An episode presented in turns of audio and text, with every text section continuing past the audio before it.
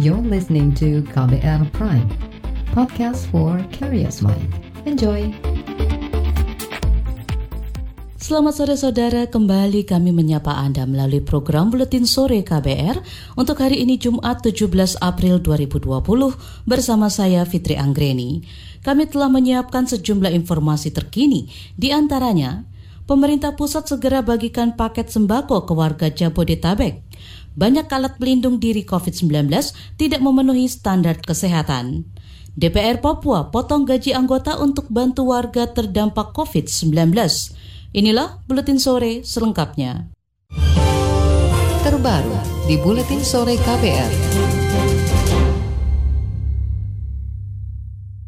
Kementerian Sosial menyiapkan paket sembako bagi masyarakat yang berada di wilayah Jakarta, Bogor, Depok, Tangerang, dan Bekasi.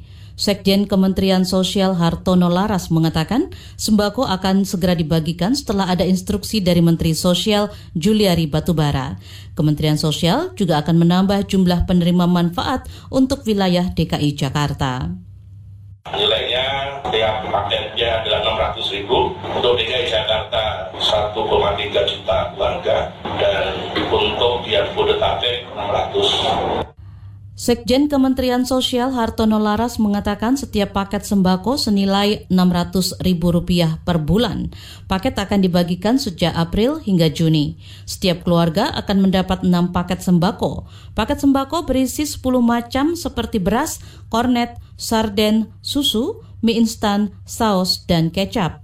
Pembagian bantuan melalui kelompok RT/RW atau komunitas bekerja sama dengan PT POS. Sementara itu Provinsi DKI Jakarta mencatat ada 1,25 juta orang akan mendapat bantuan sosial di masa pembatasan sosial berskala besar PSBB. Pembagian bantuan sudah dilakukan sejak pekan lalu. Awalnya jumlah bantuan yang akan diberikan ke masyarakat senilai 1 juta per keluarga. Namun bantuan dikurangi menjadi Rp600.000 per keluarga per bulan. Dana Rp600.000 itu tidak diberikan secara tunai, melainkan berupa barang. Sejumlah masyarakat di Jakarta mengklaim masih belum menerima manfaat bantuan dari pemerintah Jakarta selama masa pembatasan sosial berskala besar PSBB. Salah satunya kelompok buruh warga pendatang di Jakarta Utara.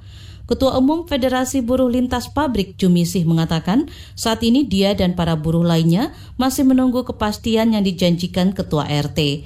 Jika tak juga mendapat bantuan, Jumisih bakal bersurat ke Wali Kota Jakarta Utara pada saat pembagian kan nggak dapet gitu. Jadi yang kami lakukan ya kemudian mendatangi aparat setempat kan, RT terutama kita datangi. Nah RT menyampaikan ya nanti akan dibantu di gelombang berikutnya, tapi sejauh ini belum gitu. Nah e, kami juga berencana kalau misalnya nanti apa e, kondisinya makin memprihatinkan gitu, uh, kami saat ini sedang mempersiapkan surat untuk berkomunikasi dengan pihak pemerintah tempat. Ketua Umum Federasi Buruh Lintas Pabrik Jumisi mengungkapkan tak hanya buruh pendatang di daerah tinggalnya yang belum mendapat bantuan. Jumisi mengaku mendapat laporan hampir seluruh warga di Jakarta Utara juga belum mendapat bantuan yang seharusnya mereka terima sejak Senin lalu. Selain Jakarta, pemerintah Provinsi Jawa Barat juga menyalurkan lebih dari 400 ribu paket bantuan sosial. Bantuan diberikan untuk warga di lima wilayah yang sudah menerapkan pembatasan sosial berskala besar PSBB, yaitu Bogor, Depok, dan Bekasi. Gubernur Jawa Barat Ridwan Kamil mengatakan bantuan sosial diperuntukkan bagi warga miskin dan menjadi miskin akibat pandemi COVID-19. Bagi mereka yang merasa tidak terdata dan merasa berhak, silahkan melaporkan melalui fitur aduan di aplikasi Picobar. Sehingga jangan khawatir, tinggal tadi tanyakan ke RT RW-nya, Anda masuk kelompok 1, 2, 3, 4, 5, 6, 4, 7, dan kalau masih kelewat, ada fitur aduan. Saya kira itu di Jawa Barat yang sedang kita siapkan, mudah-mudahan lancar selama 14 hari. Gubernur Jawa Barat Ridwan Kamil menambahkan, bantuan sosial yang diberikan senilai Rp500.000 berupa sembako, vitamin, dan uang tunai. Warga penerima adalah warga yang sudah terdaftar, warga yang menjadi miskin akibat COVID-19, serta warga perantau. Kita ke informasi mancanegara. India mendakwa pemimpin jamaah tablik Muhammad Saad Kandalfi dengan tuduhan pembunuhan. Kandalfi dijerat hukuman lantaran menggelar pertemuan di tengah kebijakan lockdown atau karantina wilayah guna mencegah COVID-19. Semula kepolisian India mendakwa Kandalfi dengan tuduhan melanggar aturan karena mengadakan perkumpulan besar namun dakwaan berubah menjadi pembunuhan. Dakwaan itu dijatuhkan setelah acara jemaah tablik yang digelar selama bulan Maret menjadi klaster penyebaran virus corona di India. Acara tersebut dihadiri 7.600 warga India dan sekitar 1.300 jemaah warga asing termasuk Indonesia. Kereta listrik Jabodetabek diusulkan dihentikan sementara guna cegah sebaran corona. Informasinya akan hadir seusai jeda tetaplah di Buletin Sore KBR. You're listening to KBR Pride, podcast for curious mind. Enjoy!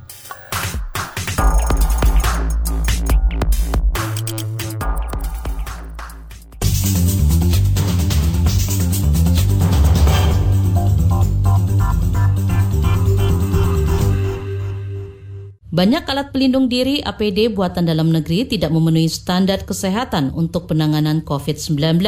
Sekretaris Dirjen Kefarmasian dan Alat Kesehatan di Kementerian Kesehatan Arianti Anaya mengatakan, sejak wabah virus corona banyak industri dalam negeri berpartisipasi membuat APD untuk memenuhi kebutuhan tenaga kesehatan. Sayangnya APD itu tidak memenuhi standar uji. Untuk APD yang belum sesuai dengan standar dan standar bahan yang ada di dalam pedoman dari Kementerian Kesehatan serta belum memenuhi standar uji yang telah ditetapkan oleh Kementerian Kesehatan tetap dapat digunakan. Tetapi tentu harus digunakan di area-area yang mempunyai tingkat resiko rendah. Sekretaris Dirjen Kefarmasian dan Alat Kesehatan di Kementerian Kesehatan, Arianti Anaya menjelaskan, Kemenkes telah menerbitkan dua pedoman sebagai acuan standar bagi penanganan dan manajemen COVID-19, termasuk standar alat pelindung diri APD. Arianti berharap standar dan pedoman ini bisa digunakan tenaga kesehatan dalam memilih APD maupun kalangan industri sebagai acuan saat memproduksi APD. Gubernur DKI Jakarta Anies Baswedan mengusulkan agar operasional kereta rel listrik KRL diberhentikan selama pelaksanaan pembatasan sosial berskala besar PSBB. Menurut Anies, usulan tersebut tengah dibahas oleh Kementerian Perhubungan. Eh, kita berkoordinasi memang dengan Kementerian Perhubungan dan juga dengan BUMN untuk mereka mengurangi operasinya. Saya dua hari yang lalu mengusulkan kepada Menteri Perhubungan interim untuk operasi kereta komuter dihentikan dulu selama kegiatan PSBB berlangsung. Gubernur DKI Jakarta Anies Baswedan mengatakan jawaban sementara yang diterima Anies, pembatasan layanan KRL akan dilakukan usai bantuan sosial sudah turun. Sejumlah kepala daerah lain juga mengusulkan agar layanan KRL diberhentikan sementara di Jabodetabek. Penghentian operasional KRL ini dimaksudkan untuk meningkatkan efektivitas pembatasan sosial berskala besar PSBB dalam mengurangi risiko penularan COVID-19. Kementerian Perdagangan memastikan ketersediaan beras secara nasional menjelang Ramadan dan Idul Fitri 2020 tidak mempengaruhi inflasi nasional. Menteri Perdagangan Agus Suparmanto juga menjamin stok beras nasional aman hingga panen mendatang. Agus juga mengklaim harga beras masih stabil berlakukannya PSBB, kita memastikan jalur distribusi dan barang ini diprioritaskan. Jadi kedua stok uh, cukup. Nah tadi gula pas, uh, gula pasir yang dalam konversi rafinasi ke gula pasir sudah masuk di sini sekitar 4.000 ton tadi saya baca. Kemudian juga bawang putih sudah masuk ya dan ini terus tiap hari masuk beberapa kontainer.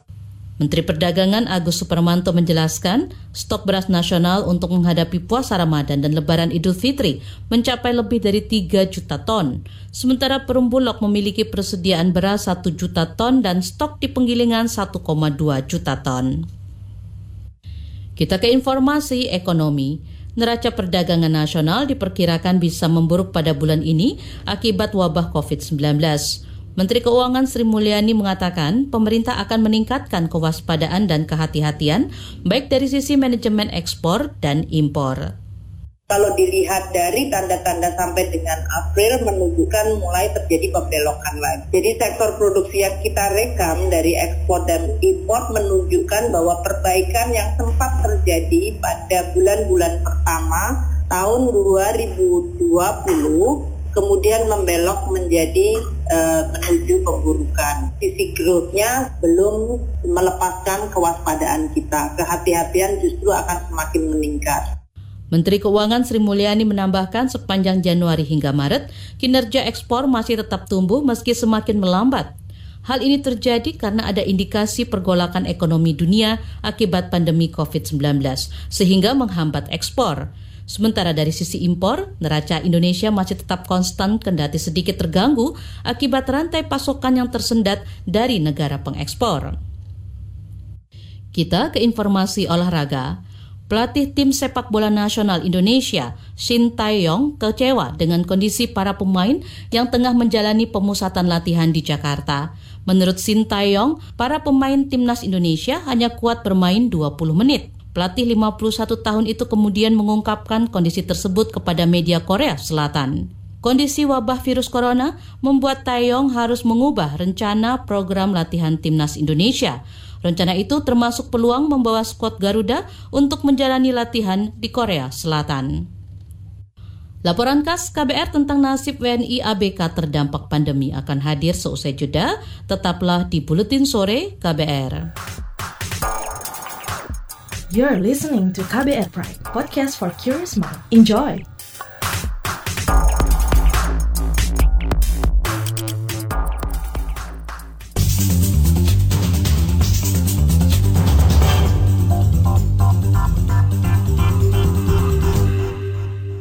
Anda masih mendengarkan Buletin Sore, saatnya kita menyimak laporan khas KBR.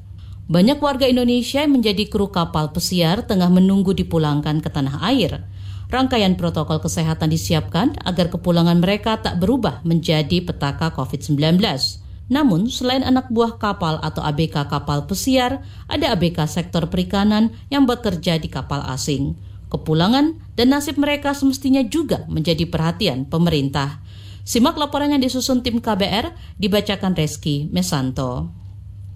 KBRI juga memberitahu bahwa mereka sudah bekerja sama dengan kapal, dengan perusahaan untuk proses pemulangan kita ke Indonesia. Itu adalah suara Ari, warga Indonesia, kru kapal pesiar yang kini berada di Miami, Amerika Serikat. Kapal tempatnya bekerja berhenti beroperasi sejak 15 Maret lalu, setelah ada larangan dari Presiden Donald Trump guna mencegah penyebaran COVID-19 perusahaan sedang berusaha untuk mencarter pesawat untuk pulang kita ke Indonesia sebelum bulan puasa mudah-mudahan. Ari dan anak buah kapal asal Indonesia lainnya tengah menunggu jadwal kepulangan ke tanah air.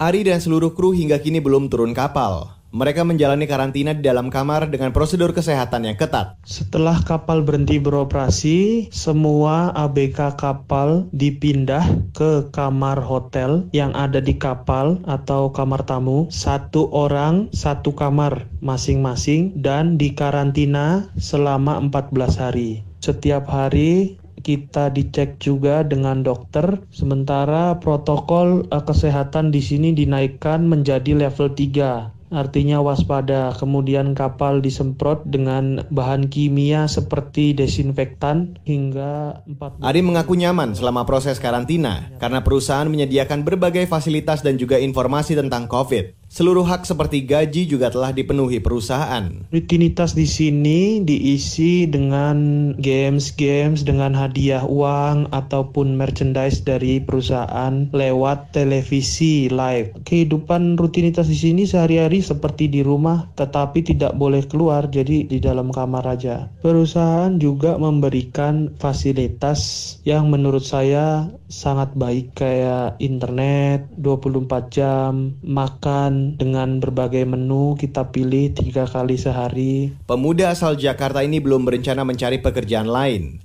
Sesampainya di tanah air, ia bakal menunggu kesempatan berlayar lagi dengan kapal pesiar karena gaji besar. Ari bisa meraup puluhan juta per bulan, meski jabatannya hanya staf. E, menurut saya lebih nyaman saya bekerja di sini dengan semua jaminan yang diberikan oleh perusahaan dengan gaji yang lumayan tinggi daripada di Indonesia. Tapi mungkin apabila sudah beberapa bulan perusahaan masih tidak beroperasi, saya akan coba mencari kerja di Indonesia atau membuka usaha di Indonesia. Menjelang kepulangan ke Indonesia, muncul rasa was-was di benak Ari tentang potensi stigma dan diskriminasi terhadap WNI ABK dari luar negeri. Ari berharap hal itu tidak terjadi.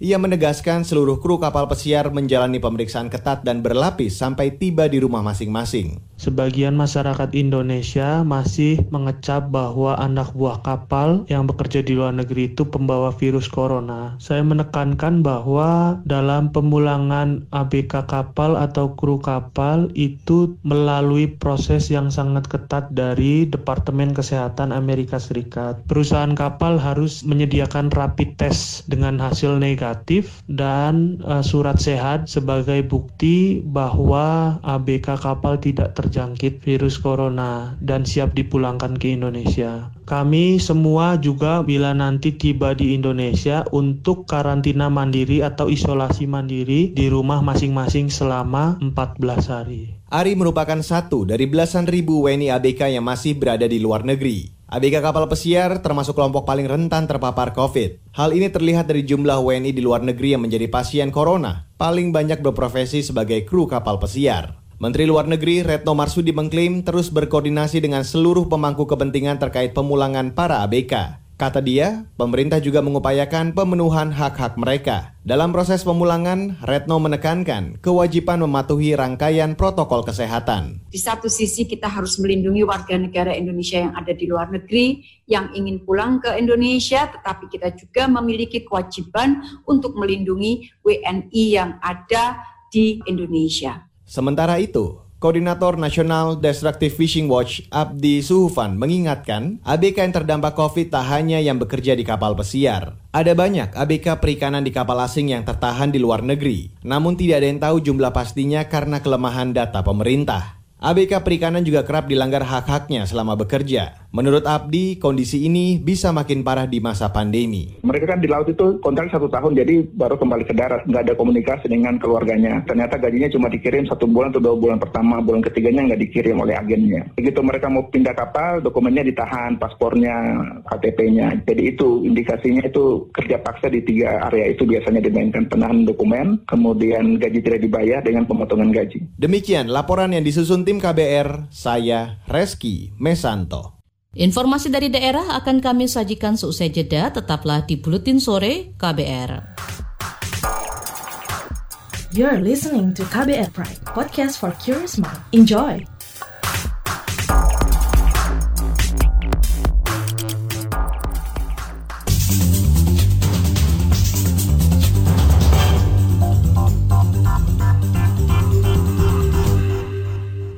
Inilah bagian akhir Buletin Sore KBR.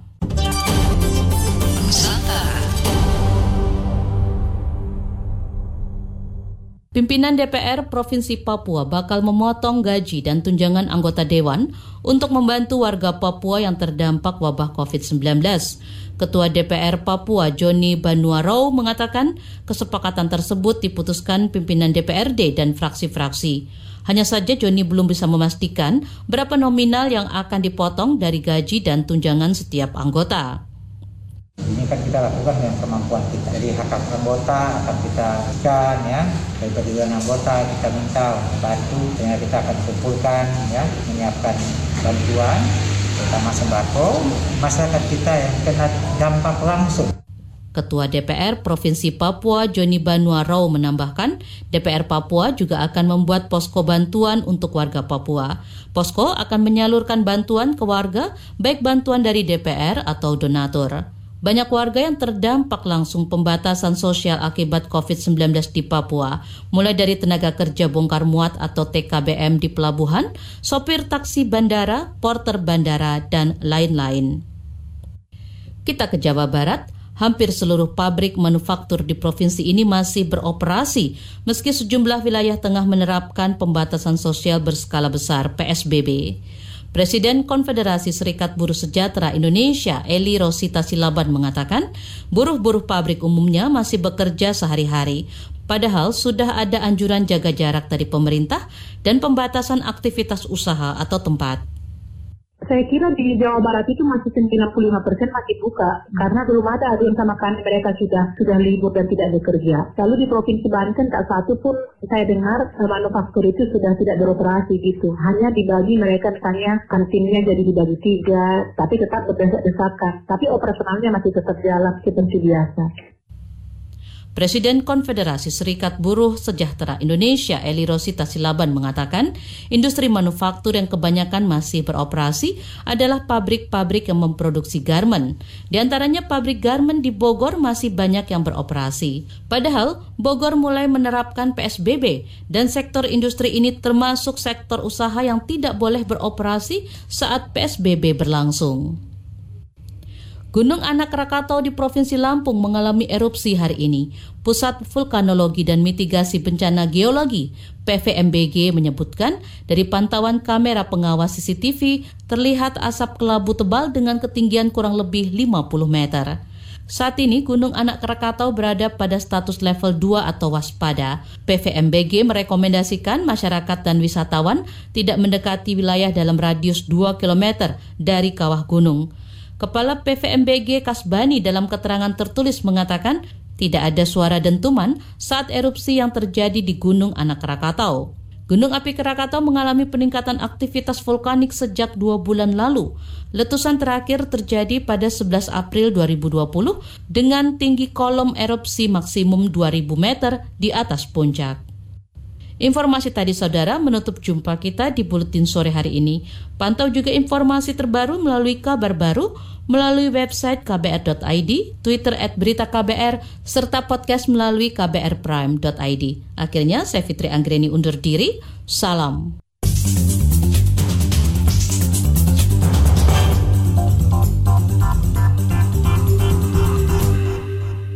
KBR Prime, cara asik mendengar berita. KBR Prime, podcast for curious mind.